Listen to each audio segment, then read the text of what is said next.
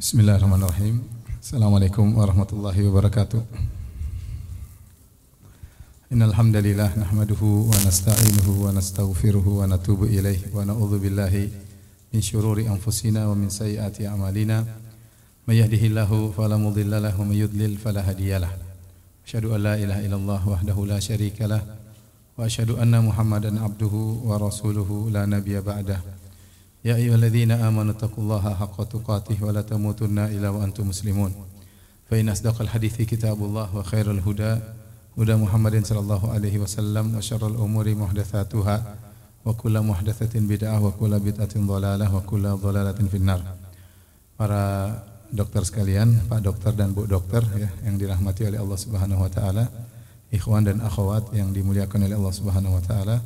Alhamdulillah puji dan syukur kita panjatkan kepada Allah Subhanahu wa taala atas segala limpahan karunia dan kenikmatan yang tiada henti-hentinya Allah curahkan kepada kita.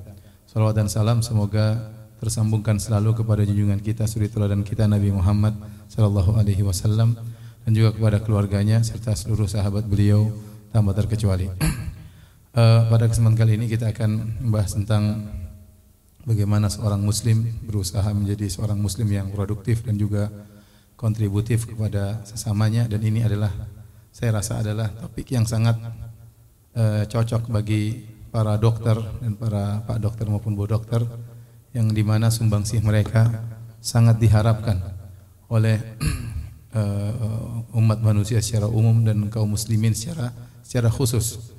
Terlebih lagi kita tahu bahwasanya nikmat kesehatan adalah nikmat yang sangat besar, ya karunia yang sangat besar sampai timbul khilaf di kalangan para ulama mana yang lebih utama nikmat kesehatan atau nikmat keamanan? Dan yang benar nikmat keamanan lebih utama. Tetapi nomor dua setelah keamanan adalah apa? Kesehatan. Oleh karenanya dalam hadis kata Nabi wasallam man asbaha aminan fi sirbihi mu'afan fi jasadihi wa lahu qutu yaumihi fa ka'annama hizat lahu dunya bihadza fi riha Kata Nabi SAW, barang siapa yang di pagi hari aman di rumahnya, sehat badannya, ya, kemudian dia punya makanan untuk hari itu, maka seakan-akan dia telah didatangkan dunia seluruhnya baginya. Itu dia didatangkan kenikmatan yang disegerakan. Nikmat yang paling segera kita inginkan dari dunia ini apa? Tiga. Ya. Yang lain hanyalah penyempurna. Tapi yang paling utama, yang penting aman, sehat, kenyang. Itu yang paling utama. Yang paling super primer tiga perkara ini. Yang kedua Nabi SAW sebutkan setelah keamanan adalah apa? Kesehatan. Jadi ini nikmat yang sangat luar biasa. Dan kita baru tahu benar-benar nikmat sehat tatkala kita merasakan sakit. Makanya Nabi SAW mengatakan nikmatani magbunun fihi makatsiru minan nas. Dua kenikmatan yang orang sering terpedaya dalam kenikmatan tersebut artinya tidak digunakan sebagaimana mestinya, tidak dimanfaatkan dengan sebaik-baiknya as-sihhatu wal faraq yaitu kesehatan dan al-faraq yaitu waktu waktu luang. Uh, ini sebagai mukaddimah untuk mengingatkan kepada uh, ikhwan dan akhwat, Pak Dokter dan Bu Dokter bahwasanya ibu-ibu dan bapak-bapak sedang ya apa namanya berkecimpung dalam kenikmatan yang luar biasa ya untuk mengembalikan kenikmatan yang hilang dari seseorang itu nikmat kesehatan ya. Kalau ada orang sehat nggak nggak ke dokter kan? Yang ke dokter orang apa? Sakit ya. Dia dia kehilangan nikmat tersebut. Dia ingin dikembalikan nikmat-nikmat tersebut. Ini tugasnya uh, bapak-bapak dan ibu-ibu untuk mengembalikan nikmat tersebut tentunya dengan izin Allah kepada orang yang sedang kehilangan nikmat tersebut. Uh, hadirin dan hadirat yang Allah Subhanahu wa taala. Secara umum kita berbicara tentang pekerjaan. Ya, tentunya uh, bekerja adalah suatu perkara yang penting ya. Bahkan Allah Subhanahu wa taala uh, memuji orang-orang yang bekerja dalam Al-Quran kata Allah Subhanahu Wa Taala, rijalun la tulhihim tijaratun wala bay'un an dzikrillahi wa iqamis salati wa ita'iz zakah. Yakhafuna yawman tataqallabu fihi al-qulubu wal absar. Kata Allah Subhanahu Wa Taala, yaitu para lelaki La tulihim tijaratun wala bay'un an dzikrillah. Perdagangan mereka, jual beli yang mereka lakukan, transaksi yang mereka lakukan tidak membuat mereka lalai untuk mengingat Allah Subhanahu wa taala. Wa iqamis shalah dan untuk mendirikan salat wa itaiz zakat dan untuk membayar zakat. Kenapa mereka tidak lalai? Kenapa mereka tidak terlalaikan dari mengingat Allah, membayar zakat, salat? Kenapa yakhafuna yauman tataqallabu fihi al-qulub wal absar? Mereka takut dengan datangnya suatu hari di mana mata mereka, pandangan mereka tidak stabil ya. Hati mereka tidak stabil, ketakutan yaitu pada hari kiamat ya. Uh, Allah sedang memuji para pekerja ya. Para pekerja. Allah tidak sedang menyebutkan orang yang di masjid terus. Ya, karena kita tahu bahwasanya lelaki punya punya tugas ya, punya tugas untuk mencari nafkah bagi keluarganya sehingga mereka harus bekerja. Tapi di sini yang maksud saya perhatian di sini Allah memuji orang-orang yang bekerja namun mereka tetap ingat kepada Allah Subhanahu wa taala. Ini yang yang luar biasa. Kalau orang di masjid terus jelas dia ingat Allah Subhanahu wa taala. Di masjid terus ingat Allah baca Quran terus ya. Kita tidak berbicara tentang ustaz, tentang orang di pondok, tidak. Kita Allah sedang berbicara tentang orang-orang yang mereka bekerja tetapi pekerjaan tersebut tidak melalaikan mereka dari mengingat Allah Subhanahu wa taala. Inilah isyarat juga dalam hadis tentang tujuh golongan yang Allah naungi pada hari kiamat kelak kata Nabi sallallahu alaihi wasallam sab'atun fi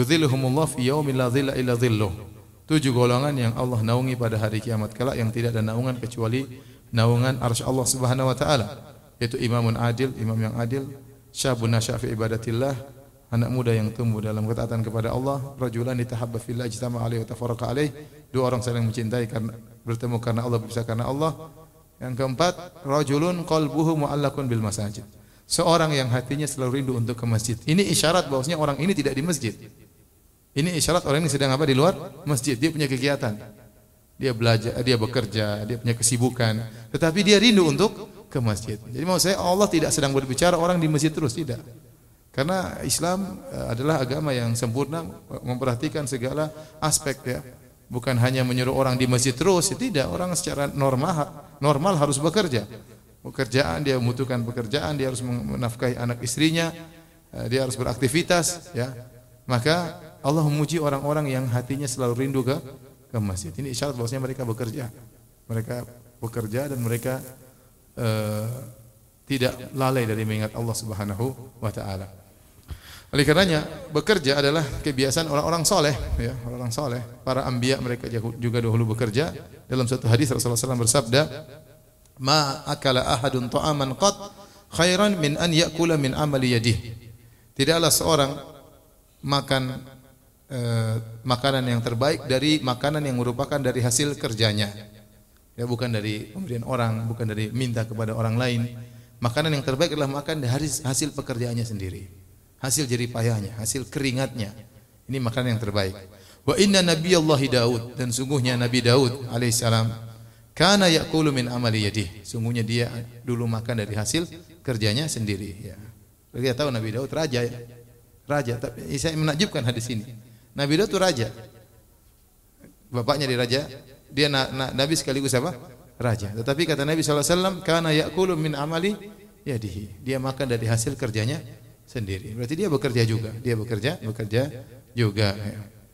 Kemudian juga dalam hadis Rasulullah SAW ini menunjukkan bahwasanya eh, orang-orang soleh bahkan orang-orang yang eh, tertinggi dalam kesolehan mereka bekerja. Ada kegiatan yang mereka kerjakan sehingga mereka ya makan dari hasil kerja mereka sendiri. Itu makanan yang terbaik. Kemudian juga dari hadis dalam hadis Abu Hurairah radhiyallahu anhu Nabi wasallam bersabda, "La tatiba ahadukum huzmatan ala dhahrihi khairun lahu min an yas'ala ahadan fayu'tiyahu aw yamna'ahu." Sungguh salah seorang dari kalian mengambil tali kemudian mencari kayu bakar untuk dia pikul di atas punggungnya, punggungnya lebih baik baginya daripada dia minta-minta kepada orang lain. Apakah dikasih atau tidak dikasih? Ya ini eh, benar-benar isyarat dari Nabi bahwasanya seorang berusaha ya, bekerja sendiri. Makanya lebih baik seorang daripada dia minta-minta dia bekerja mungkin pekerjaan tersebut terasa hina, tapi lebih baik dia kerja sendiri. Nah, apa cari kayu bakar? Buk itu bukan kerjaan yang tinggi, kerjaan rendahan. Ngambil tali pergi ke hutan cari kayu bakar kemudian dipikul dijual di pasar Mungkin bagi kita itu pekerjaan hina, tapi Nabi menjelaskan lebih baik dia bekerja dan pekerjaan yang mungkin dianggap orang hina, dianggap orang rendahan, dari itu lebih baik daripada dia minta-minta sama orang orang lain. Ini motivasi syariat untuk bisa berproduktif tidak menjadi tanggungan beban orang orang lain. Harus dia bekerja, punya penghasilan apa? E, sendiri, tidak tidak minta-minta kepada orang lain ya. E, oleh karenanya para sahabat mereka bekerja. Mereka bekerja. Bahkan tatkala mereka sedang berpuasa.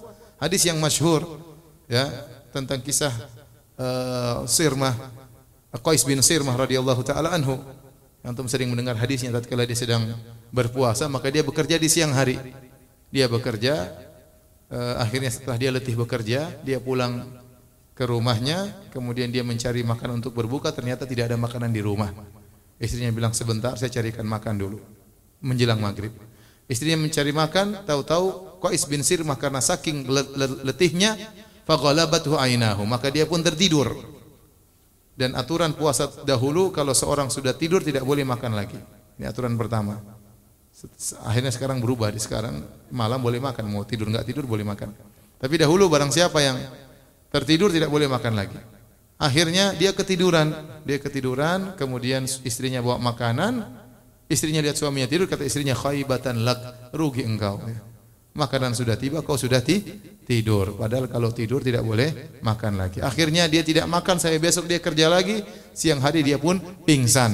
Ya, akhirnya dia pun pingsan dan akhirnya Allah turunkan firman-Nya Wahilla lakum lailatas siyami rafathu ila nisaikum sampai firman Allah Subhanahu wa taala fal ana bashiruhunna wabtagu ma kataballahu lakum wa kulu washrabu hatta yatabayyana lakumul khaytul abyadu minal khaytil aswadi aswadi minal fajr sampai turun firman Allah makanlah dan minumlah kalian di malam hari sampai terbit terbit fajar. Maka aturan puasa pun berubah gara-gara Qais bin Sirma ini pingsan ya Alhamdulillah dia pingsan. Kalau dia enggak pingsan kita yang pingsan ya, ya susah kalau setelah tidur enggak boleh makan lagi ya enggak ada sahur-sahur Wah tidur jam 9 sudah berarti puasa sampai besok besok lagi. Tapi Allah mentakdirkan dia pingsan sehingga menyelamatkan kita semua alhamdulillah. Semoga Allah balas kebaikan baginya atas pingsannya. Baik, maksud saya di sini ini sangat jelas para sahabat kerja. Sangat jelas sahabat beraktivitas, bekerja padahal dalam kondisi sedang apa? Berpuasa. Ya, mereka bekerja. Ya. Lihat bagaimana Abdurrahman bin Auf waktu berhijrah dari Mekah menuju Madinah. Kondisi dia sangat sulit ya. Darinya orang kaya, saudagar kaya raya tiba-tiba miskin mendadak. Ya, namanya orang miskin mendadak, orang kaya butuh segera santunan. Ya, dia tidak terbiasa dengan kehidupan susah. Sampai di Madinah ditawarin sama Sa'ad bin Rabi, saya punya harta, saya kasih kamu setengah. Saya punya istri, kau pilih yang mana yang kau sukai, tinggal saya ceraikan habis masa idahnya kau nikahi. Tapi apakah dia terima? Dia tidak, dia tidak terima. Dia bilang barakallahu laka fi ahlik wa malik. Semoga Allah berkahi engkau di istrimu dan juga berkahi engkau pada hartamu. Dia tidak mengatakan alhamdulillah rezeki dari Allah. Ya. Kok subhanallah saya lagi butuh-butuhnya kamu datang enggak ya? Enggak dia dia dia punya harga diri. Dia ingin kerja sendiri. Maka dia menolak dia mengatakan dullani ala suq. Tunjukkanlah kepadaku mana pasar. Padahal ala suq Bani Qainuqa. Maka dia ada tunjukkan situ ada pasar orang Yahudi. Maka dia pun masuk dia bekerja sampai akhirnya dia dapat untung sampai akhirnya dia dapat uang, dapat emas, akhirnya dia menikahi wanita Ansar. Ya. Maksud saya ini semua dalil bahwasanya bekerja itu sangat mulia, makan dari hasil sendiri adalah sangat mulia, tidak minta-minta dari orang, tidak berharap dari orang. Orang kalau bekerja sendiri, maka dia tidak berharap kepada orang lain. Dia tidak dia, dia punya pekerjaan. Dia punya pekerjaan yang itu ada karya yang bisa dia makan dari hasil karya atau hasil kerjaannya tersebut. Makanya waktu Nabi SAW membaiat para sahabat di antara baiat Nabi, Allah yas'aluna ahadan minan nas. Allah yas'alu ahadan minan nas. Atau kama. Yaitu Nabi mengatakan tidak boleh meminta kepada seorang pun. Berusaha kerja sendiri, berusaha tidak minta kepada orang lain. Ini Nabi pernah mengambil baiat sahabat. Sehingga ada sahabat yang cemetinya jatuh, dia sedang di atas kuda atau di atas onta, cemetinya jatuh, dia tidak suruh suruh orang untuk ngambilin, enggak. Padahal dia berhenti dulu, dia turun dulu, dia ambil sendiri. Kenapa dia untuk menerapkan hadis ini bahwasanya jangan minta sama orang lain. Semakin orang tidak minta sama orang lain, tauhidnya semakin semakin tinggi. Semakin orang tidak berharap kepada orang lain, maka harapannya fokus kepada Allah Subhanahu wa taala. Harga dirinya semakin semakin tinggi. Ya. Sebagaimana perkataan Syekh Islam Taimiyah rahimahullah dalam Majmu' Fatawa, ya. Uh, apa namanya? Intinya berharaplah kepada siapa yang kau kehendaki atau mintalah kepada siapa yang kau kehendaki takun asirahu. Maka kau akan menjadi tawanannya. Semakin seorang punya hutang budi sama orang lain, dia akan menjadi tawanan orang tersebut. Bukankah seorang penyair berkata, uh, apa namanya? Ahsin ilan nasi tasta'bid kulubahumu. Fatala masta'badal insan al-ihsana. Kata seorang penyair, berbuat baiklah kepada orang lain, niscaya kau akan menarik hatinya, kau akan perbudak hatinya. Betapa, betapa kuat kebaikan akan menarik hati seseorang. Nah kalau kita selalu minta-minta sama orang, kita akan menjadi tawanan dia. Kita akan berutang budi. Ya, kalau kita tahu diri, kita akan berutang budi. Sehingga dia bilang apa sih kita akan nurut. Ya. Kemudian kata Syekhul Islam Taimiyah, istaghni amman syi'ta takun nadhirahu. Tidak cukuplah engkau tidak butuh sama orang lain, maka kau akan seimbang dengan dia.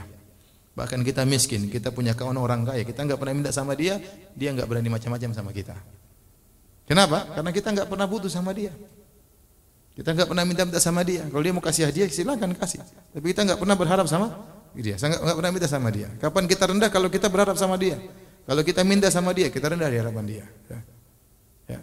Kemudian kata Syekh Islam Tamiyah, uh, ahsin ila ma syi'ta atau kama qala berbuat baiklah kepada orang yang kau kehendaki. Takun amirahu maka kau akan menjadi pemimpinnya. Kau akan menjadi pemimpinnya. Nah tatkala kita bekerja ya kita punya karya kita punya hasil makan dari makan sendiri maka kita semakin kuat tauhid kita kepada Allah Subhanahu wa taala. Dan tauhid bukan perkara yang zahir saja. Tauhid bukan masalah jenggot bukan masalah tidak cingkrang saja tapi pengaturan hati berharap hanya kepada Allah tidak berharap kepada selain Allah. Ya, bahkan uh, kalau kita pun kerja sama seorang bos, kita tidak berharap sama dia, kita berdoa sama Allah bukakan hatinya supaya dia kasih gaji saya yang tidak yang dia tunda-tunda terus. Ada orang bos misalnya tidak kasih gaji sama kita. Kita minta kepada siapa? Allah Subhanahu wa taala. Agar dia membuka hatinya, dia sadar memberikan gaji gaji yang tidak dia berikan kepada kepada kita. Baik. Jadi inilah pentingnya bekerja, beraktivitas Eh, sebagai apa pun, dinarnya sebagai dokter, ya, sebagai dokter, sebagai perawat ya, yang bergelut di bidang kesehatan. Saya katakan tadi sangat penting karena kita memberikan kenikmatan yang luar biasa kepada orang yang sedang sakit. Orang yang sedang sakit itu ya benar-benar dalam kondisi sulit ya, ya. Paling tidak enak orang sakit. Makanya di antara kewajiban seorang muslim adalah menjenguk orang apa? Sakit ya. Saya pernah sakit waktu dua tahun lalu operasi ya. Tinggal di rumah sakit tiga hari nggak enak. Padahal sudah VIP sendirian nggak ada orang lain. Itu itu pun tidak enak. Bagaimana yang satu kamar sepuluh orang? Itu pun sudah ditemani istri ya. itu pun ya saya ingin ada kawan-kawan jenguk ada obrolan ya. Bagaimana orang yang kemudian di rumah sakit opname nggak ada yang jenguk nggak ada teman ngobrol ya. kasihan ya maka kalau ada yang jenguk itu luar biasa, berikan kebahagiaan kepada dia. Karena orang sakit itu enggak enak. Mau sholat aja enggak bisa, saya sholat saya harus sholat tidur, enggak bisa sholat berdiri, enggak bisa sholat sujud. Benar-benar saya rasakan apa nikmat kesehatan tatkala kita dikasih sakit. Itu yang sering kita lupa. Benar sabda Nabi SAW. Nikmatani makbudun fihi makit minan nas. Dua kenikmatan yang orang banyak lupa, banyak terpedaya di antaranya as Kesehatan, ya. Kesehatan ya. Baik. Uh, jadi ini dalil-dalil semua menjelaskan bahwasanya para sahabat itu uh, bekerja bahkan para ambia bahkan para nabi ya Nabi Daud alaihissalam dia seorang raja tapi dia juga bekerja. Dari sini maka agar kita menjadi berkah jadikanlah kerjaan kita sebagai salah satu bentuk ibadah. Kerjaan kita ini berusaha untuk menilai ibadah. Ya, bukan hanya rutinitas dunia. Makanya dikatakan beda antara orang alim dengan orang jahil kalau orang jahil menjadikan ibadah seperti adat, seperti tradisi, ya. Seorang jahil nggak ngerti, akhirnya dia pakai jilbab seakan-akan bukan ibadah, seakan-akan ya sudah, semua orang pakai jilbab, saya juga pakai jilbab, ya, seperti itu. Dia menjadikan Idul Fitri, Idul Adha sudah seperti tradisi saja. Tidak ada nilai ibadah dia rasakan. Kenapa? Karena kejahilannya. Tetapi orang alim menjadikan tradisi menjadi apa?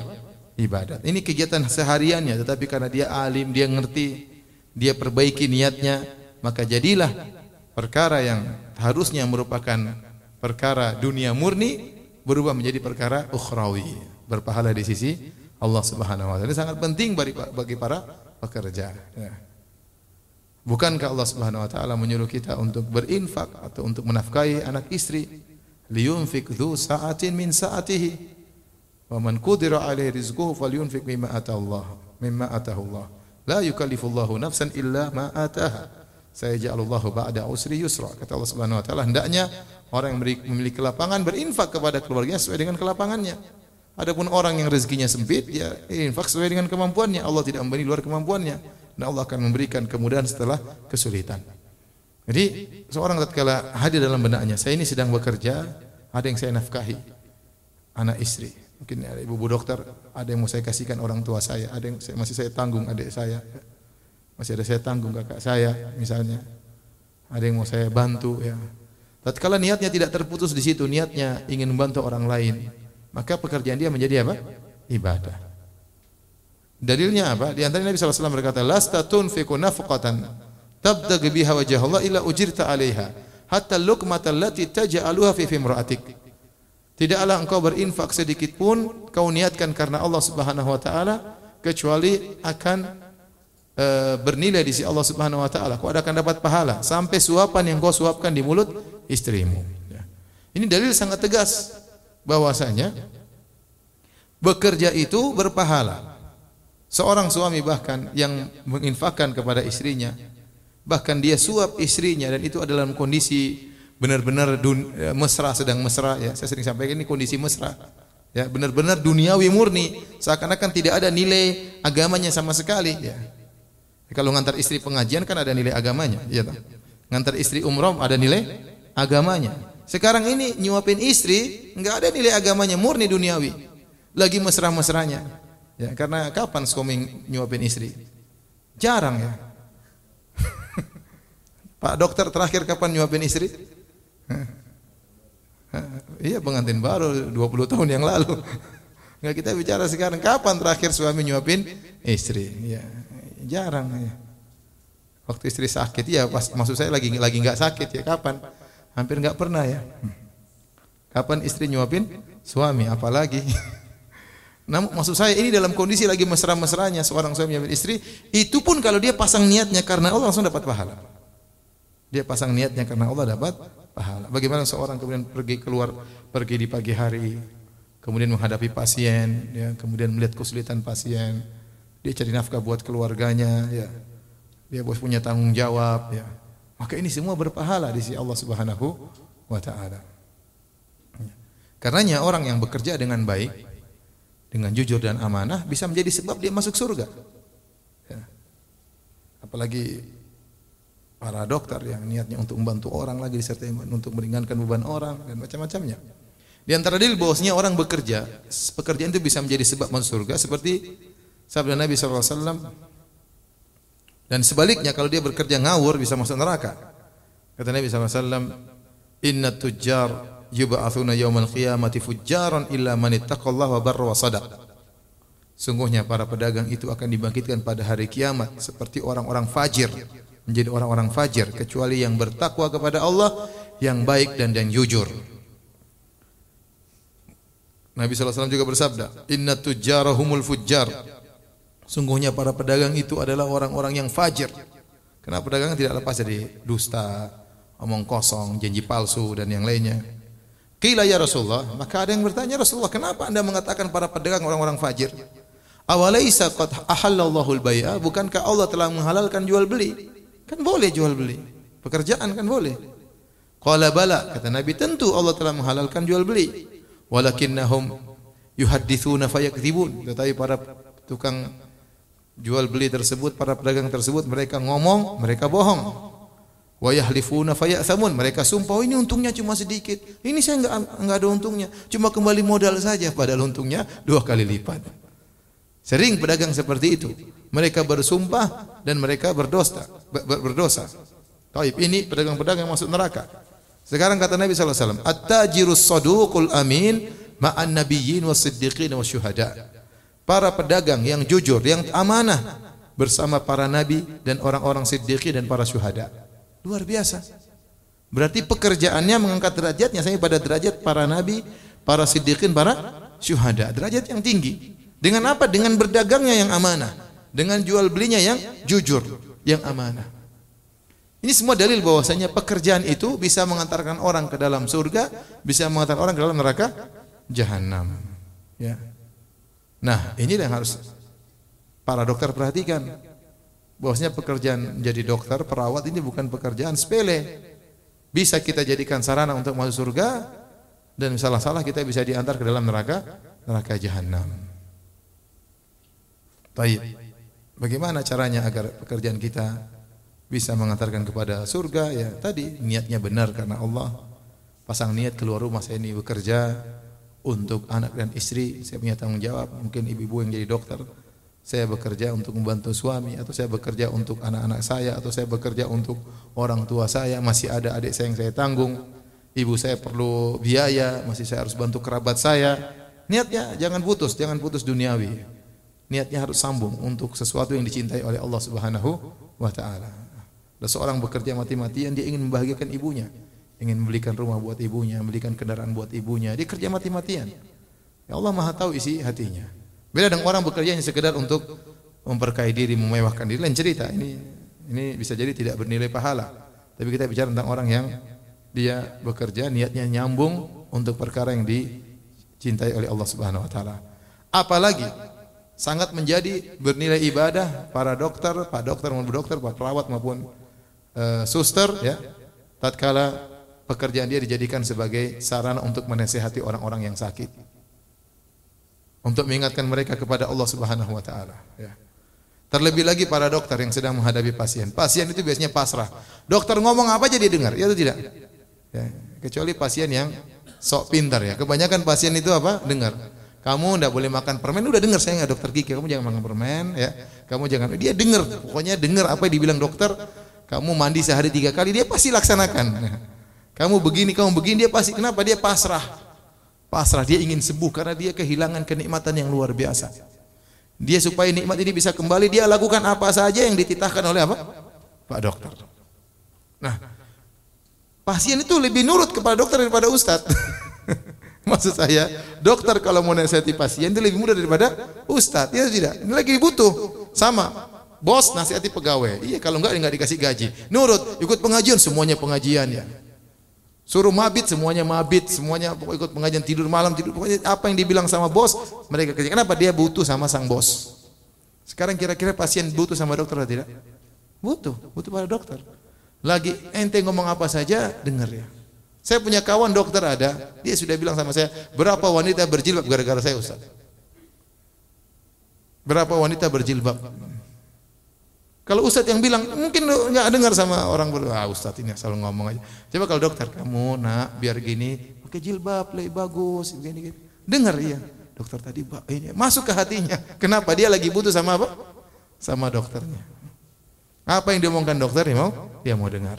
Maka saya ingatkan kalau kita lihat ada kesempatan ya. Nanti ente bilang, "Dok, dokter ini dokter apa ustadz?" mungkin ada yang ngejeknya mungkin. Bilang ustadz dokter.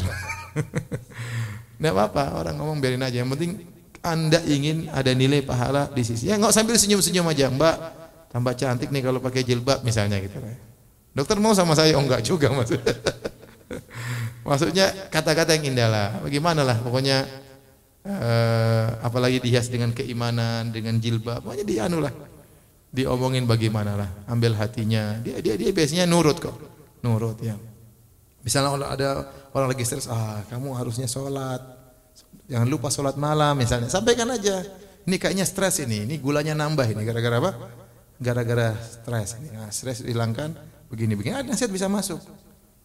Dan mereka pasti dengar. Ya. Jangan lupa kalau ini, jangan lupa untuk berdoa, jangan lupa untuk ini. Ya. Terus misalnya ingatkan kepada Allah. Jadi kalau kita orang Islam terus ada dokter kita, pasien kita orang Islam juga, kita ingatkan ini obat tapi yang menyembuhkan bukan dokter ini nggak bisa menyembuhkan apa-apa. Yang menyembuhkan siapa? Allah. Kamu kamu minum, kamu berdoa kepada Allah. Jadi kita apa buat dia bergantung kepada Allah tanpa sadar kita dakwahi dia. Kita dakwahi dakwahi dia. Ya. Bosnya ini biasalah namanya ya, sehat ah, sakit biasa. Saya juga dokter juga sakit misalnya gitu. Bahkan Nabi pernah bersabda, la tasubbul humma, jangan kau cela demam. Kenapa demam itu bisa mengurangi dosa-dosa? Kadang orang bilang semoga Ustaz sehat terus. Eh jangan jangan doa gitu. Saya kadang-kadang nolak. Ya sehat-sehat terus saya juga ya, kadang sakit. Percuma doamu pun tidak akan dikabulkan oleh Allah Subhanahu wa taala. Yang kedua saya juga tidak ingin sehat terus ya. Sekali-sekali sakit tidak apa-apa. Saya kadang lupa dibuat sakit oleh Allah Subhanahu wa taala. Saya tidak ingin sakit, tapi ada waktunya Allah kasih saya sakit. Untuk mengurangi dosa-dosa saya. Dosa saya mungkin saya sudah istighfar, Allah belum kabulkan. Allah kasih sakit supaya dosa-dosa saya ber, berkurang.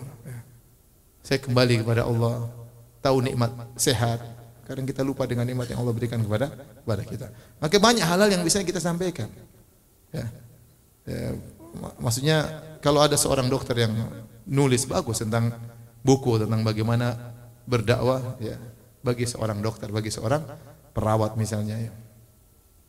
Kisah yang menarik ya, yang, saya pernah sampaikan di apa namanya di kajian di Al Azhar tentang seorang perawat yang mendakwai seorang wanita masuk Islam. Wanita itu rapper di Perancis kalau nggak salah. Rapper terkenal dia bunuh diri. Dia potong tapi dia nggak masih selamat, maka dimasukkan di rumah sakit tidak sampai mati. Ya, perawat tersebut muslimah, maka dia dia rawat itu sang wanita dengan akhlak yang mulia tapi dia taruh terjemahan Quran di samping wanita tersebut. Tidak ada bacaan yang lain. Maka rapper ini akhirnya tiap hari baca Al-Quran. Terjemahnya dia baca, dia baca, dia baca, dia baca, dia baca, dia baca. Dari rapper sekarang, sekarang pakai cadar pergi ke Madinah sama suaminya, ketemu berkunjung di salah seorang guru saya di Madinah. Bayangkan dari rapper menjadi wanita pakai cadar. Gara-garanya seorang perawat yang hanya meletakkan apa? Al-Quran di sampingnya. Jadi maksudnya ini pekerjaan kita sehari-hari. Paling tidak kita ingatkan kepada Allah sabar bu, sabar. Bagaimana? Ada kata-kata kita ingat Allah, istighfar. Berusaha, berusaha ingatkan dia kepada kepada Allah Subhanahu wa taala. Baik. Hadirin dan hadirat yang hadirat Subhanahu wa taala. Uh, tentunya saya, saya katakan di awal tadi, dokter ini para dokter, para perawat punya kontribusi yang sangat besar bagi masyarakat dan ini juga sarana untuk mendapatkan pahala sebanyak-banyaknya. Rasulullah SAW bersabda, khairukum anfa'ukum linnas. Ya, sebaik-baik kalian adalah yang paling bermanfaat bagi orang lain. Nabi SAW mengatakan, wahabbul a'mali ilallah sururun tudkhilu ala qalbi muslim. Amalan yang paling dicintai oleh Allah Subhanahu wa taala, rasa senang yang kau masukkan, rasa bahagia yang kau masukkan dalam hati seorang muslim. Au tatrudu anhu ju'an au takshifu anhu kurbatan au anhu dainan. Atau kau menghilangkan kau menghilangkan rasa laparnya kau kasih makan sama dia. Atau kau melunasi hutangnya atau kau menghilangkan kesulitannya penderitaannya. Ini masuk dalam bidang dokter menghilangkan penderitaan seseorang. Dan ini amalan sangat dicintai oleh Allah Subhanahu wa taala. Kita bicara ya memang dokter perawat dapat gaji ya tapi kita lebih daripada itu tatkala kita menikmati pekerjaan tersebut kita ingin hilangkan kesulitan orang ini, ada pahala yang Allah berikan selain gaji yang kita dapatkan. Ya. Lihat tadi para pedagang, mereka dapat untung tapi mereka jujur, Allah kasih pahala yang lain. Mereka jujur, mereka amanah, ya maka mereka dapat pahala yang yang lain. Nah, antum juga gitu, antum kerja dokter ya lah, dapat tulis resep, dapat duit, tapi antum meniatkan bahwasanya saya ingin menghilangkan kesulitan orang ini, ingin bantu dia dengan senyuman, dengan kata-kata yang lembut, menanamkan uh, kepercayaan diri pada dirinya, ingatkan dia kepada Allah Subhanahu wa taala. Ya, jangan buat dia semakin gelisah ketakutan. Saya tadi cerita sama kawan, saya ketemu dokter Ikhwan pas hajian datang, "Ustaz, Ustaz ini pasti kolesterol tinggi, Ustaz." Waduh. Ngomongnya, "Ustaz ini pasti begini." Waduh, ini dokter kok begini sih? Nakut-nakutin Ustaz sih. Maksudnya apa? Ustaz jangan banyak makan, enggak ngaruh. Mau bilang kolesterol banyak, Enggak ngaruh bagi saya. Saya periksa juga kolesterol saya pun rendah. Maksud saya bukan begitu caranya. Apa? Ngobrol sama pasien. Oh, pelan-pelan lah sampaikan ya. Dia udah sakit malah ketakutan malah ya. Sampaikan dengan cara yang baik logis dia. Kata-kata wal kalimatu thayyibatu sadaqah. Kalimat yang adalah sedekah ya. Akhlak dokter juga perlu. Kalau dokter yang sombong mentang-mentang yang antri banyak, ada dokter seperti itu ya, semuanya datang ganti ganti ya, jangan jangan begitu. Jangan begitu. Ini pasien ya dia butuh perhatian ya, kata-kata yang baik ya, ingin masukkan kebahagiaan dalam apa? hatinya ya. Tumbuhkan sugesti pada dirinya, kesembuhan di tangan Allah Subhanahu dan yang lainnya. Jadi tatkala kita ingat akan hadis-hadis bahwasanya yang terbaik di antara kalian yang paling bermanfaat bagi orang lain dan salah satunya adalah bidang ini, bidang kesehatan. Ini membuka pintu pahala yang banyak bagi bagi kita. Kalau ternyata kita dapat ada pasien, ternyata kita lihat dia miskin, nggak mampu, kurangilah biaya apa? Biaya pengobatan. Kita bisa kira-kira ya, kira-kira orang tersebut ya.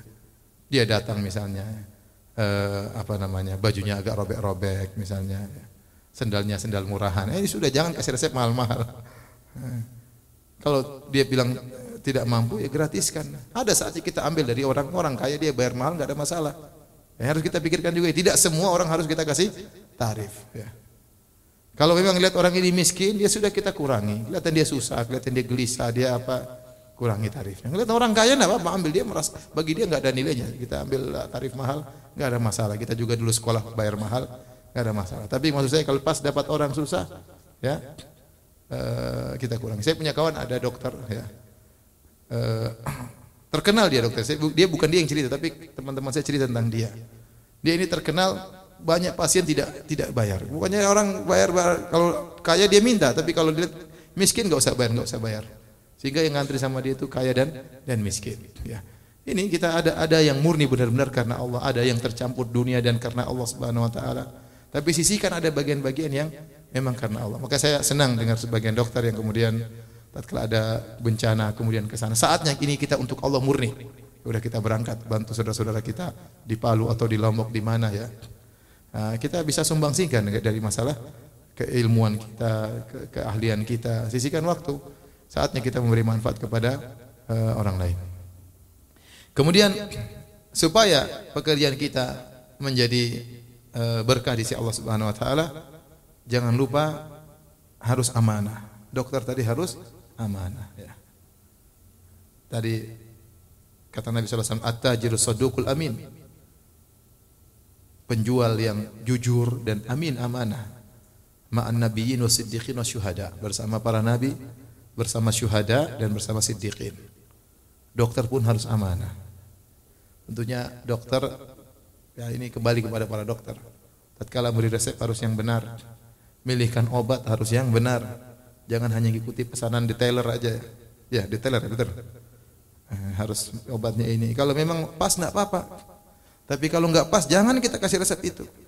Berarti kita nggak amanah. Kerjaan kita nggak berkah. Ya.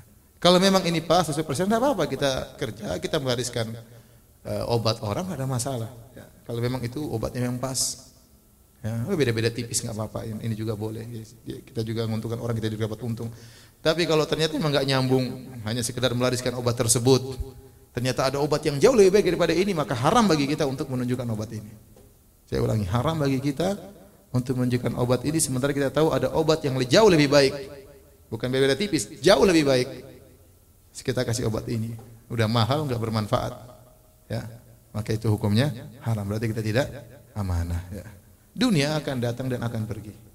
Ya. Kita ingin dunia datang kepada kita dengan halal.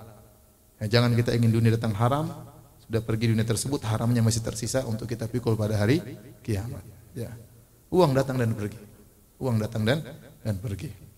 Ya, tapi kalau sudah haram kita pegang, ya, kita akan bawa pada hari kiamat dan kita akan repot pada hari kiamat Maka seorang dokter harus amanah. Perhatikan ini ya. Jangan sampai bikin resep ternyata obatnya ngawur ya. Atau obat ada yang lebih baik kita kasih obat yang kurang baik gara-gara kita punya deal-dealan sama detailer ya. Hati-hati. Kemudian ya agar seorang dokter berkah dalam pekerjaannya. Berusaha dia menjauhkan diri sejauh-jauhnya dari perkara yang tidak syar'i. Kalau ada perkara haram yang harus dia tempuh, benar-benar dalam kondisi darurat. Contoh, dokter kandungan. Eh, lihat macam-macam lah dokter kandungan. Lihat macam-macam, pegang macam-macam, dengar macam-macam. Namanya dokter kandungan. Laki-laki periksa perempuan.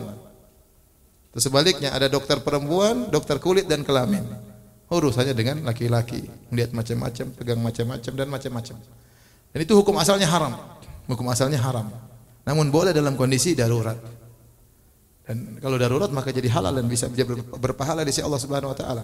Maka supaya berkah, supaya pekerjaannya bernilai di sisi Allah Subhanahu wa taala, berkah buat dia, buka berkah buat anak istrinya, berkah bagi agamanya, maka dia hindarkan dari segala kemaksiatan sebisa mungkin. Ya.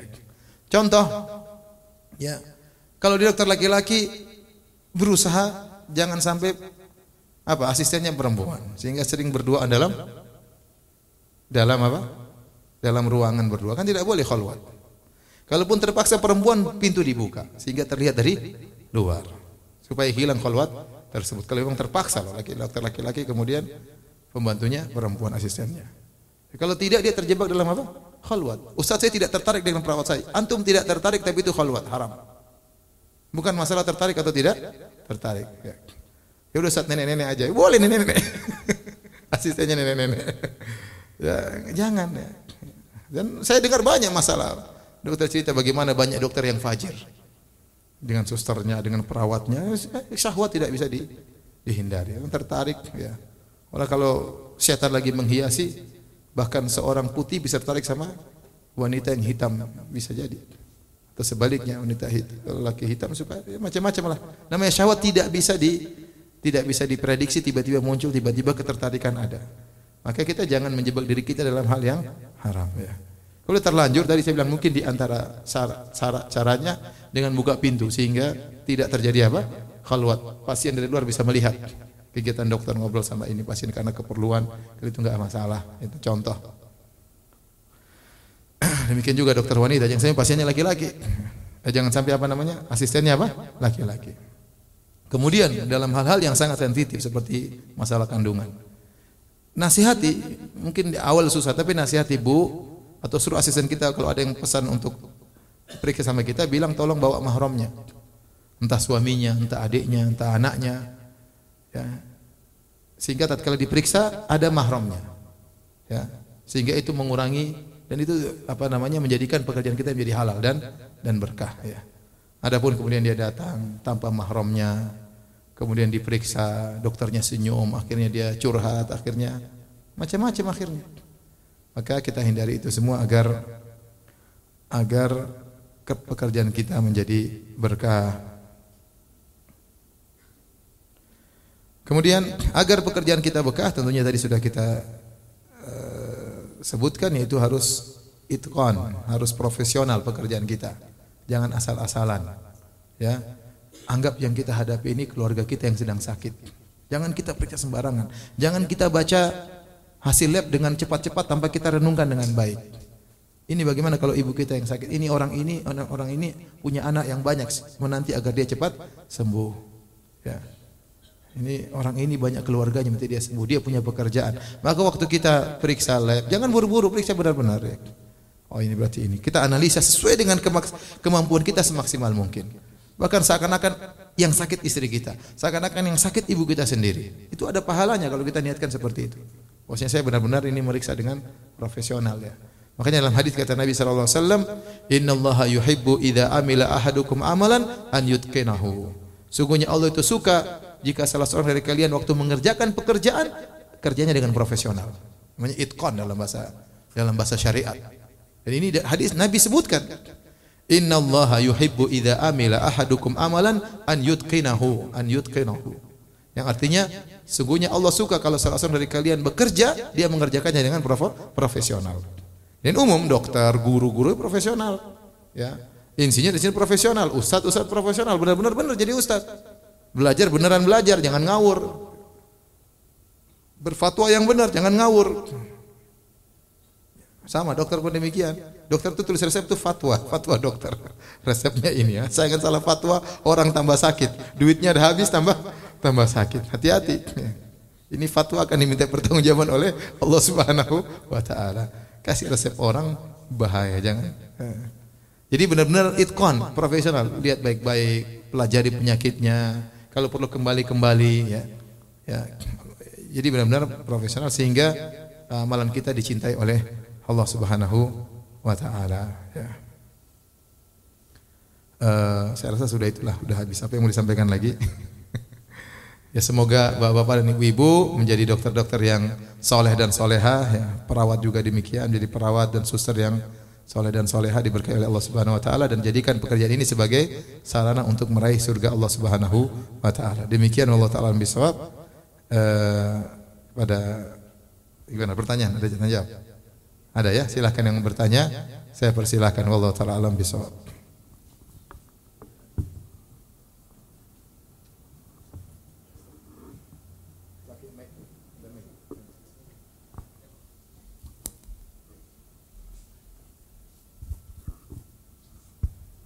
Bismillah. Assalamualaikum warahmatullahi wabarakatuh. Waalaikumsalam warahmatullahi wabarakatuh. Uh, Ustaz mengenai tadi uh, masalah niat kita agar menjadi pekerja ini agar menjadi suatu uh, beramal ibadah ya Ustaz. Iya. Artinya harus uh, tadi seperti ketika berangkat kerja ataupun kita mulai kerja kita niatkan semuanya buat keluarga dan segala macam dan kalaupun memang uh, beberapa kali setiap mau berangkat kerja atau praktek tuh uh, meniatkan saya kerja saya berangkat apa apa praktek untuk menghilangkan beban seseorang Iya, sakit. enggak apa-apa ya. Ya, tapi apakah niat itu harus terus setiap kali kita berangkat Eh, kerja? itu berat, itu berat. Tapi harus kita pasang niat. Mudah-mudahan tatkala kita tidak meniatkan sudah kembali kepada niat awal. Ya. Kita sudah pernah niat, ya, kecuali nanti di tengah-tengah ada perubahan. Kok kok saya tamak cari harta, niatkan lagi. Kapan di tengah-tengah ada perubahan kita dan kita tahu niat kita. Jadi kita ternyata ada perubahan, maka kita perbaharui lagi.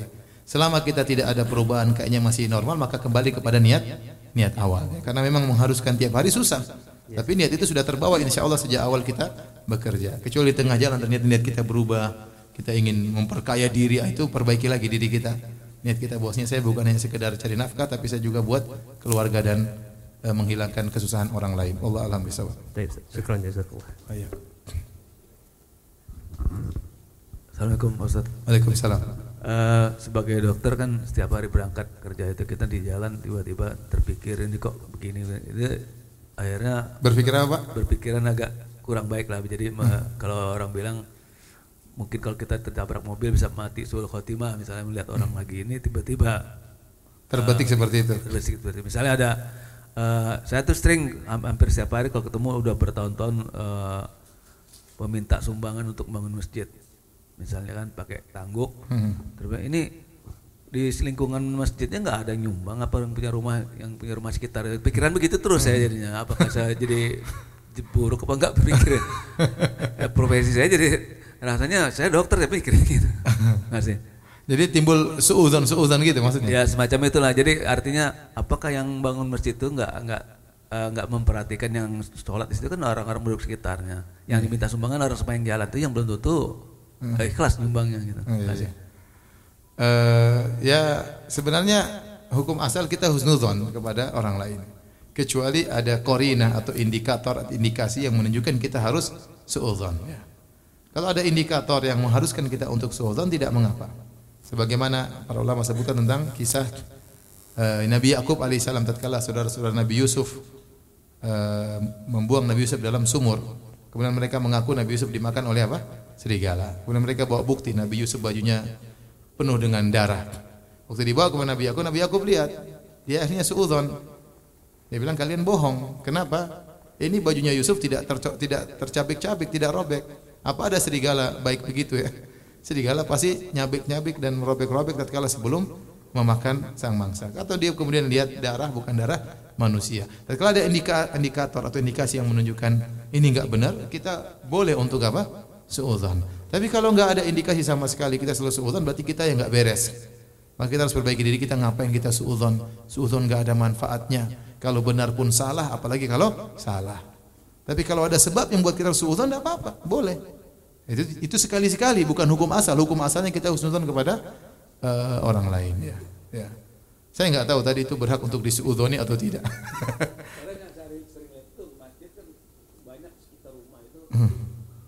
ya, ya memang memang itu jadi masalah ya. Jadi masalah. Masjid enggak pernah rampung-rampung. Enggak diisi juga ya. Ya tapi terserah kita lah kita mau kasih eh, dia insya Allah kasih juga enggak apa-apa, enggak juga enggak apa-apa. Kalau memang ada keraguan kita enggak kasih juga enggak apa-apa. Kalau kita kasih enggak apa-apa, kalau dia enggak pakai buat masjid dia makan sendiri, ya udahlah itu sedekah buat buat dia. Dia buat santai aja dok, jangan terlalu dipikir dalam-dalam. Cuekin aja, saya juga mikir ini buat apa gitu. Jadi telat, ngapain saya pikirin gitu, nggak ada manfaat. Mending saya pikir pasien. Saya pikir gini pun tidak ada faedahnya, tidak ada aksi yang bisa saya lakukan. Saya mau ngapain coba? Ya udah mending saya nggak usah mikir, pikir yang bermanfaat. Ya, kata Nabi SAW, Minusi Islamil Mar'i tarkuhu ma la ya'ni. Di antara keelokan Islam seorang meninggalkan yang tidak ada faedahnya buat buat dia. Ya. Kalau kita lihat setiap orang harus kita pikirkan, kasihan. Enggak perlu, kita capek sendiri dan tidak ada aksi yang bisa kita kerjakan. Saya mau tanya, berangkat dari rumah bekerja dengan niat ibadah. Apabila pasien masuk rawat inap dari UGD dengan diagnosa A, tapi secara klinis tidak ada indikasi diagnosa A. dan pasien nurut sama dokter aja. Nah, yang saya tanyakan gaji saya berkah atau tidak? Karena setahu saya tidak perlu rawat inap dan saya hanya petugas kesehatan bukan dokter. Saya nggak paham. Maksudnya rumah sakit suruh inap. Sementara menurut kita tidak nginap. Ya enggak boleh, kita enggak boleh bohong. Kalau kita yang ditugaskan sebagai dokter untuk memberikan analisa, kita harus bilang ini enggak uh, enggak perlu inap, enggak perlu inap. Tapi kalau mau nginap mau tenang boleh. Tapi ini menurut saya tidak perlu apa? Nginap. Enggak boleh kita bilang supaya pemasukan bagi rumah sakit nginap aja, Pak. Enggak boleh. Ya berarti kita dosa seperti itu. Ya. Atau kalau itu instruksi di rumah sakit. Usahakan mereka inap semua. Nggak boleh, nggak berkah kalau gitu. Kita nggak jujur, kita nggak amanah. Tapi kita boleh kasih tawaran ini, menurut saya tidak perlu nginap. Tapi kalau ibu mau istirahat lebih tenang, boleh di sini nginap. Begitu kan bisa. Jadi tidak ada keharusan. Tidak ada harus keharusan. Jadi bisa mikir sendiri. Menurut dokter, menurut saya tidak harus. Ya, tapi memang kalau memang mau lebih tenang, biar lebih ini ya boleh nginap. Ya, begitu. Jangan dibuat terkesan seakan-akan harus apa? Rawat inap.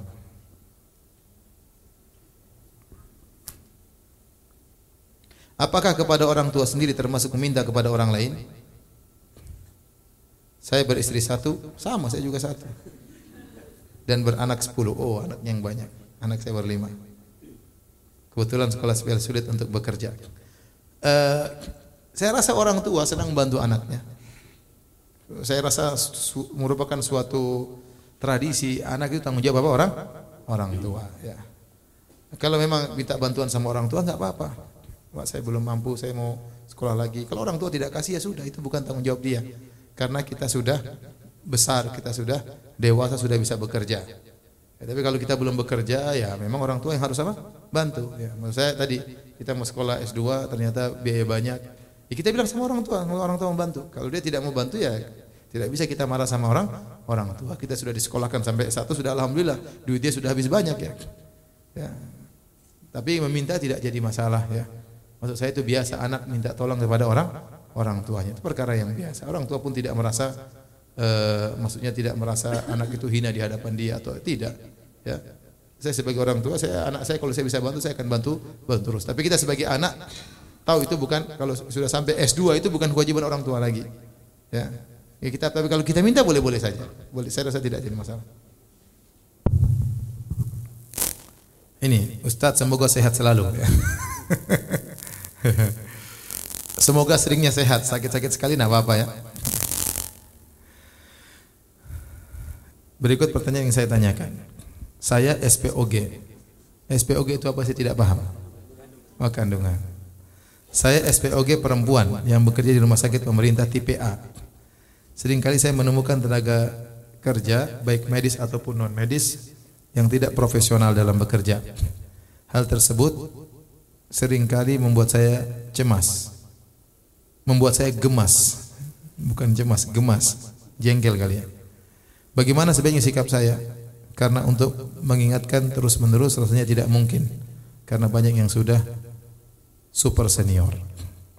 Jadi ingat, kita tidak susah apa kita harus uh, menyiapkan diri kita menghadapi kondisi yang tidak sempurna ya. Kita bekerja di mana-mana tidak, sempurna. Uh, dalam bidang dokter dalam bidang apa pun demikian. Saya punya tim kerja, kadang saya suruh dia tidak bisa sesuai dengan kemauan saya. Kadang saya suruh ini tidak sesuai dengan kemauan saya. Ini tim kerja dakwah ya. Sama, tapi kita harus tahu diri bahwasanya tidak ada yang sempurna. Ya. Tatkala kita mendapati sebagian orang tidak profesional, kita kasih masukan apa? Mungkin kalau tidak kasih masukan dia akan terus di atas kesalahannya. Kita kasih masukan dan dia tetap tidak profesional, ya sudah hadapi saja.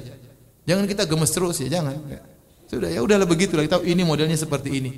Sekarang kita di diuji oleh Allah bekerja dalam lingkungan yang seperti ini ada orang-orang yang tidak profesional. Tapi jangan kemudian kita gemes, kita jengkel. Akhirnya kita jadi tidak profesional gara-gara mereka. Kita bekerja semampunya, ya, berusaha mereka semampunya, kekurangan yang ada pada mereka kembali kepada mereka, tidak akan mengenai kita sama sama sekali. Penting kita sudah berusaha, tapi jangan lupa nasihati mereka.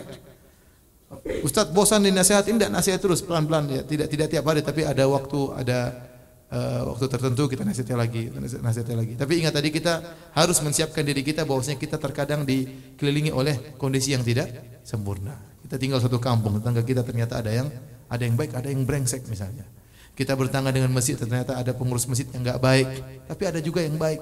Jadi sudah siapkan diri kita. Jadi namanya dunia seperti itu. Kalau mau semuanya sempurna di surga. Mau sempurna di di surga. Terkadang kita hadapi suami kita tidak sempurna, kita hadapi istri kita tidak sempurna, mertua kita tidak sempurna, ngomel terus kerjanya misalnya. Ya. Ternyata ibu mertua kita selalu bikin masalah sama kita. Ya udah demikian kehidupan ini. Ada orang diuji dengan mertuanya, ada orang diuji dengan istrinya, ada orang diuji dengan suaminya, ada orang diuji dengan pasiennya, ada orang diuji dengan dokternya, ada dokter diuji dengan apa? asistennya dan macam-macam. Sabar, jangan suka gemes ya. Kedua, saya sering kali merasa tidak atau kurang percaya diri dibandingkan sejawat yang lain karena tidak mempublikasikan pekerjaan saya di sosial di sosial media.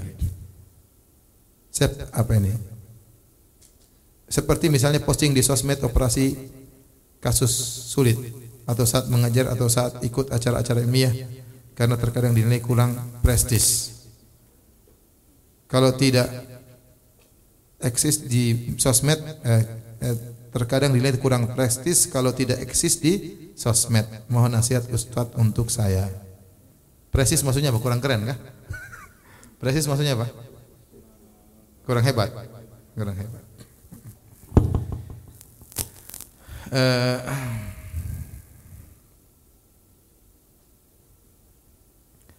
Sebenarnya boleh mempublikasi pekerjaan kita boleh ini perkara dunia. Kalau yang tidak boleh perkara akhirat. Ini bukan masuk dalam bab ria, masalahnya masuk pada bab ujub sombong atau tidak. Ya. Kalau kita amal soleh kita berusaha apa? Sembunyikan. Enggak usah kita publish. Tapi kalau pekerjaan duniawi kita boleh publish, kita boleh buat iklan, kita boleh persentase di hadapan dalam tender misalnya, boleh nggak ada masalah. Yang penting kita jangan sombong itu aja. Ya. Kalau memang dengan mempublish kita bisa lebih baik dalam bekerja, bukan masalah pede-pedean ya. Pede kalau pekerjaan buruk percuma pede-pedean ya. Yang penting bagaimana pekerjaan kita lebih baik. Kalau ternyata masalah publish tidak publish tidak mempengaruhi pekerjaan kita ya terserah kita, ini perkara duniawi. Tapi kalau dengan mempublish ternyata pekerjaan kita lebih baik, publish saja nggak ada masalah. Yang penting jangan sombong dan jangan apa? angkuh. Jangan jangan sombong dan jangan ujub. Ya.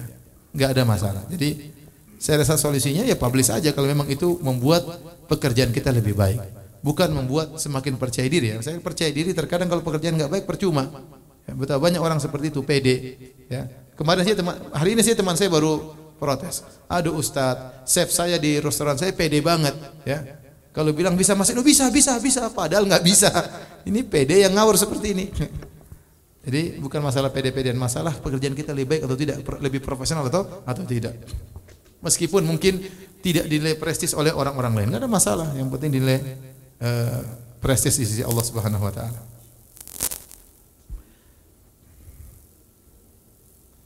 Saya sering sekali tidak bisa diprediksi waktu terjadinya komplikasi. Pasien saya sering kali tidak bisa diprediksi waktu terjadi komplikasi.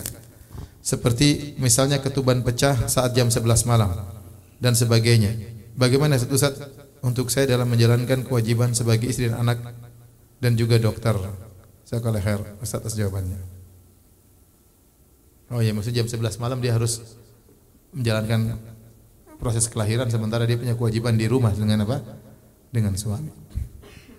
Uh, tentunya yang ideal yang kerja suami istri tidak kerja itu yang paling ideal ya, itu yang paling ideal. Tapi dalam kondisi ternyata istri harus kerja, ada kewajiban harus dia tanggung jawab harus dia tunaikan mungkin masih membantu kakaknya adiknya atau orang tuanya dan yang lainnya maka dalam kondisi begini ya uh, kalau itu jarang terjadi semoga suami paham. Ya, kita tinggal minta pemahaman apa? Suami. Ya saya kadang-kadang begini. Benar yang penting minta ridho suami yang penting ridho suami dan tidak mendolimi anak. Jangan sampai kita mencari apa namanya prestasi mencari uh, apa namanya dunia sehingga akhirnya anak kita terlantar. Tentu tidak tidak boleh, harus ada waktu buat anak. Saya rasa solusinya kurangi praktek. Kalau memang kita sudah punya anak, kurangi jam praktek. Jangan terlalu banyak. Anak-anak butuh kasih sayang, butuh perhatian. Kalau kita pergi pagi pulang malam dapati anak sudah tidur. Pagi lagi pembantu yang pegang. Akhirnya anak kita belajar akhlak pembantu. Bukan akhlak akhlak kita. Ya. Maka kalau memang ibu-ibu harus bekerja, eh, kurangi jadwal praktek, jangan banyak-banyak. Ya. Jangan banyak-banyak sehingga ada waktu buat anak dan eh, dan suami. Ya. Wallahu alam bisawab.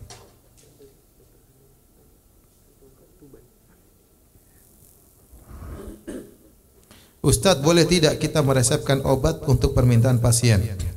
Kemudian kita menambahkan diagnosa di lembar asuransi Agar di cover oleh asuransi. Tapi pada saat periksa dia tidak mengalami keluhan tersebut. Hanya buat stok obat saja. Saya kurang paham ini. Ada yang bisa jelaskan? Ustadz boleh tidak kita meresepkan obat permintaan pasien Kemudian kita menambah diagnosa di lembar asuransi agar di cover oleh asuransi. Tapi pada saat periksa dia tidak mengalami keluhan tersebut, hanya buat stok obat saja. Ini bohong berarti ya? Ini maksudnya boleh bohong nggak buat begini gitu? bohong ya nggak boleh. Iyyakum wal kadhib wa innal kadhiba yahdi ilal fujur wa innal fujura yahdi ilan nar. Wala yazalul abdu yakdzib wa yataharral kadhib hatta yuktaba indallahi kadzaban. Uh, hati-hatilah kalian terhadap dusta. Sesungguhnya dusta itu mengantarkan kepada kefajiran. Dan kefajiran mengantarkan kepada neraka jahanam sungguh seorang berdusta dan dia selalu berdusta sampai dicap oleh Allah tukang dusta. Kalau seorang sudah dicap oleh tukang dusta jadilah dusta adalah kebiasaan dia. Merupakan ciri-ciri orang munafik. Saya rasa tidak usahlah begitu. Ini stok obat maksudnya buat apa? Buat siapa? Si pasien atau buat pasiennya buat? Enggak enggak boleh. Enggak boleh. Ya. buat jaga-jaga maksudnya kan? Enggak boleh. Jangan ikuti pasiennya kalau pasien maksa bilang ini bohong, tidak boleh. Saya sudah ada janji sama dalam kedokteran ada janji, tidak boleh bohong. Bilang begitu saja. Saya mau kasih tapi saya nggak boleh. Kita janji sama Allah nggak boleh apa? Bohong. Bilang aja dalam kedokteran ada janji tidak boleh apa? Bohong. Ustadz, apakah boleh berpergian keluar kota jika ditugaskan dari rumah sakit tanpa mahram, semisal untuk seminar, simposium, jazakumullah khairan. Ya, tentunya janganlah kecuali memang darurat. Jadi safar tanpa mahram itu boleh kalau apa? Darurat ya.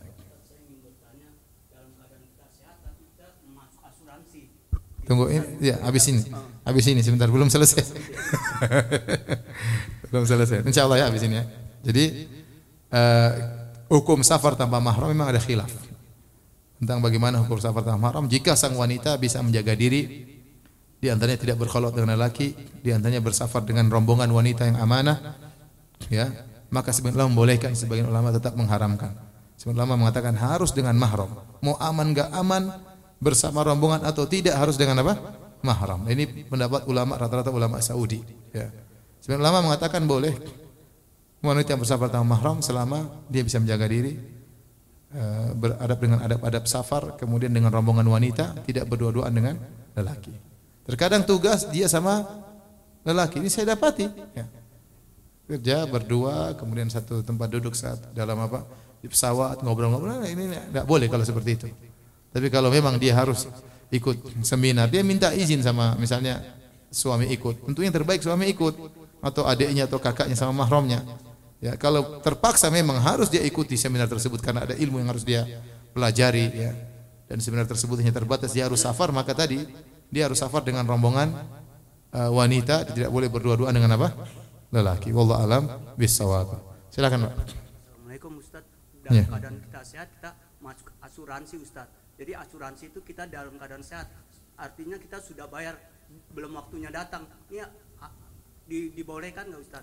Maksudnya Bapak daftar asuransi, asuransi, asuransi kesehatan, asuransi, BPJS. BPJS terus eh, dalam keadaan sehat Haram nggak Ustadz maksud saya? Kan kita Ya kalau asuransi pas keadaan sehat, keadaan sakit merugikan BPJS berarti.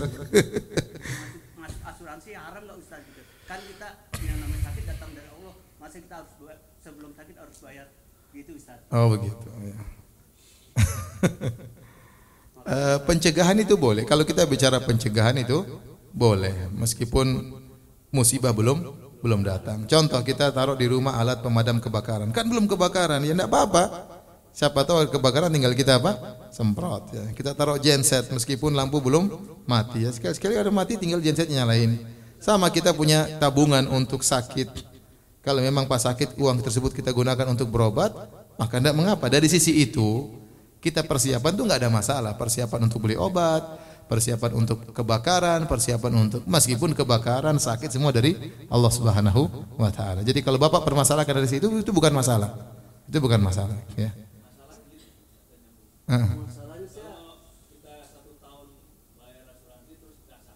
It- itu berarti hukum asuransi lain lagi. Kalau bicara hukum asuransi lain lagi. Kita bicara tentang masalah boleh enggak kita mempersiapkan uang untuk beli obat seandainya kita sakit, nggak ada masalah kalau itu. Tapi kalau hukum asuransi tentunya kembali kepada asuransi jenisnya apa. Kalau asuransi takafuli boleh, kalau enggak asuransi yang eh, apa namanya konvensional itu tentunya tidak tidak boleh. Seperti yang disebutkan tadi Pak Dokter. Ya, kita taruh uang, kalau kita nggak sakit uangnya diambil. Tapi kalau misalnya asuransi tersebut adalah untuk barang-barang, semua orang kasih uang, nanti siapa saja yang sakit kita kasih, itu tidak apa-apa. Ya. Tapi uang itu bukan jadi milik perusahaan asuransi tidak, tapi ini milik bersama. Milik bersama yang kita kumpulkan untuk kita gunakan bagi siapa yang perlu. Contohnya misalnya rumah sakit ini bikin asuransi, sudah ini milik uang milik milik rumah sakit.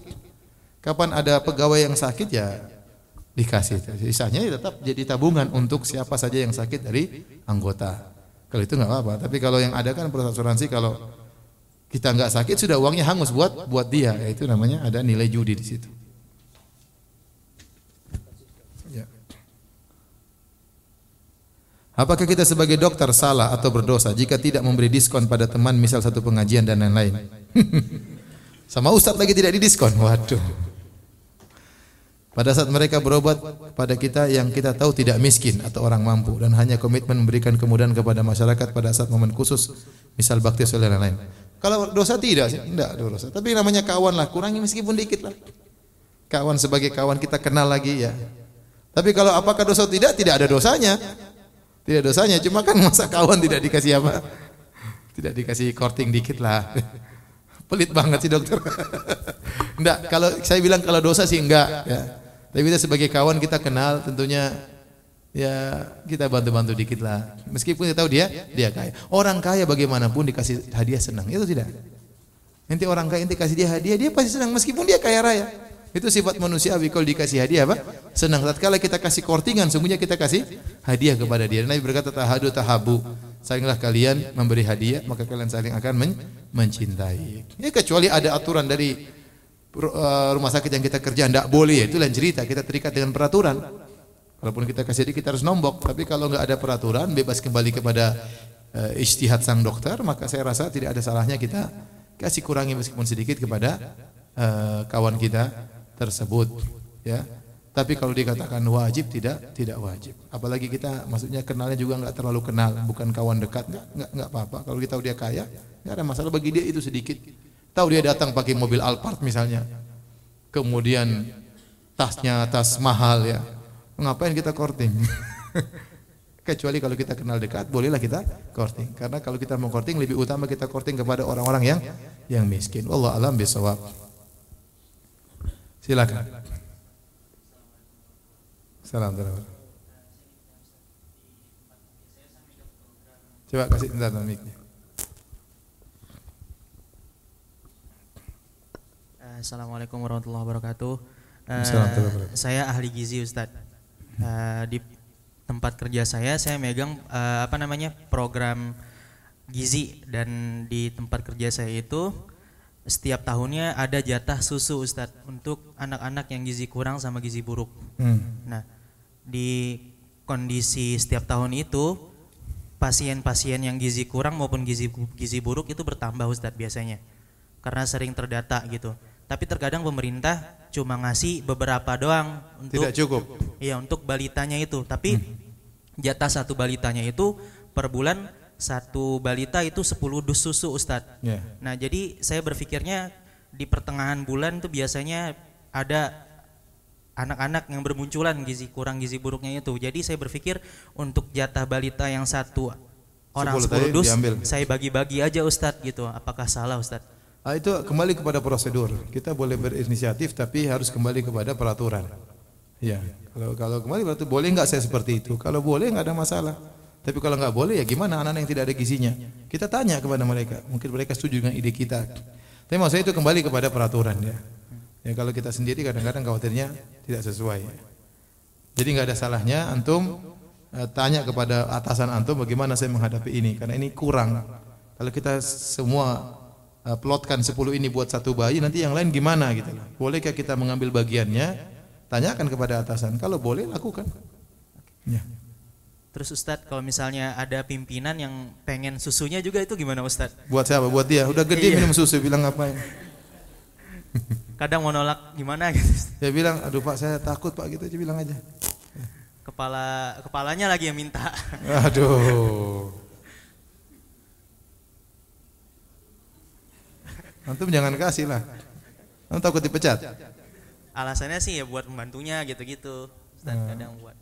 Ya kalau dia ambil buka sendiri urusan dia. Tapi kalau antum kasih jangan. Jangan kasih. Kuncinya sama antum. Iya. Hukum hukumnya haram ya, hukumnya haram. Antum atur sendiri lah, bukan urusan saya. Coba silakan. Atau antum belikan aja susu, dia ini Pak ini dari saya Pak. Yang gitu jangan Pak, biar dia malu. Udah kepala bagian masih ngambil lagi. silakan. Assalamualaikum warahmatullahi wabarakatuh. Waalaikumsalam. Saya ingin bertanya dalam bekerja itu kan kita terkadang mendapatkan fee yang lebih besar dan kadang-kadang juga mendapatkan fee yang lebih Fee dari siapa? dari mana pun itu. Nah, apakah em, ketika kita lebih senang atau cenderung kepada fee yang lebih besar itu mempengaruhi keikhlasan seseorang? Ustaz? Tunggu, ente kerjanya apa? Karena masih koas. Hah? masih masih program profesi mahasiswa tapi Enggak antum maksudnya kerjaan itu berkaitan dengan swasta atau wira swasta eh, apa atau pemerintah. Yang kasih fee siapa ini masalah hukumnya berbeda. Contoh sederhana apa gimana maksudnya? Contoh.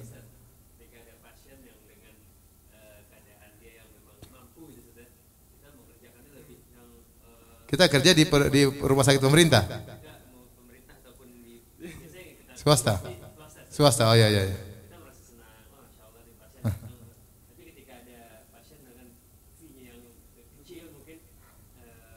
agak agak Berarti Ustaz, apakah itu mempengaruhi keikhlasan seseorang atau seperti apa? Ya jelas mempengaruhi lah. Fee-nya besar tambah semangat ya. Fee-nya kecil kurang semangat. itu manusiawi di mana aja. di mana aja. Semuanya sama seperti itu ya. Tapi masalahnya bolehkah Anda mengambil fee itu? Itu jadi masalah. Anda kerja di rumah sakit swasta sebagai pekerjaan sudah digaji oleh pihak swasta. Hukum asalnya Anda haram mengambil fee tersebut. Kalau Anda mengambil fee harus minta izin kepada atasan, kepada owner.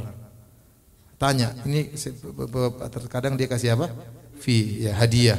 Kalau pihak swasta membolehkan, tidak jadi masalah. Ownernya membolehkan. Kalau pemerintah lebih sulit lagi. Ya.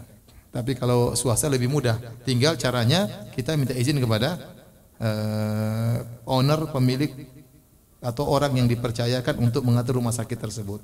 Kita bilang terkadang pasien berikan saya, saya boleh terima atau tidak. Kalau bilang boleh ambil aja nggak ada masalah. Nggak ada, nggak ada masalah. Karena itu swasta. Ya antum tinggal justru antum di, diajarin untuk apa? Mm, Melatih diri keikhlasan. Ini orang fee-nya nggak ada tapi ente harus ini karena Allah bukan karena fee-nya ya. Tapi kalau fee-nya saya lebih ikhlas lagi. ya udah atur-atur hati aja lah. Baik demikian saja kajian kita ya. Mohon maaf ya, atas segala kekurangan ya. Mudah-mudahan Bapak dan Ibu menjadi dokter-dokter yang bertakwa di sisi Allah dan dimasukkan surganya ke surga Allah Subhanahu wa taala. Subhanakallah bihamdik asyhadu an la ilaha illa anta astaghfiruka wa atubu. Assalamualaikum warahmatullahi wabarakatuh.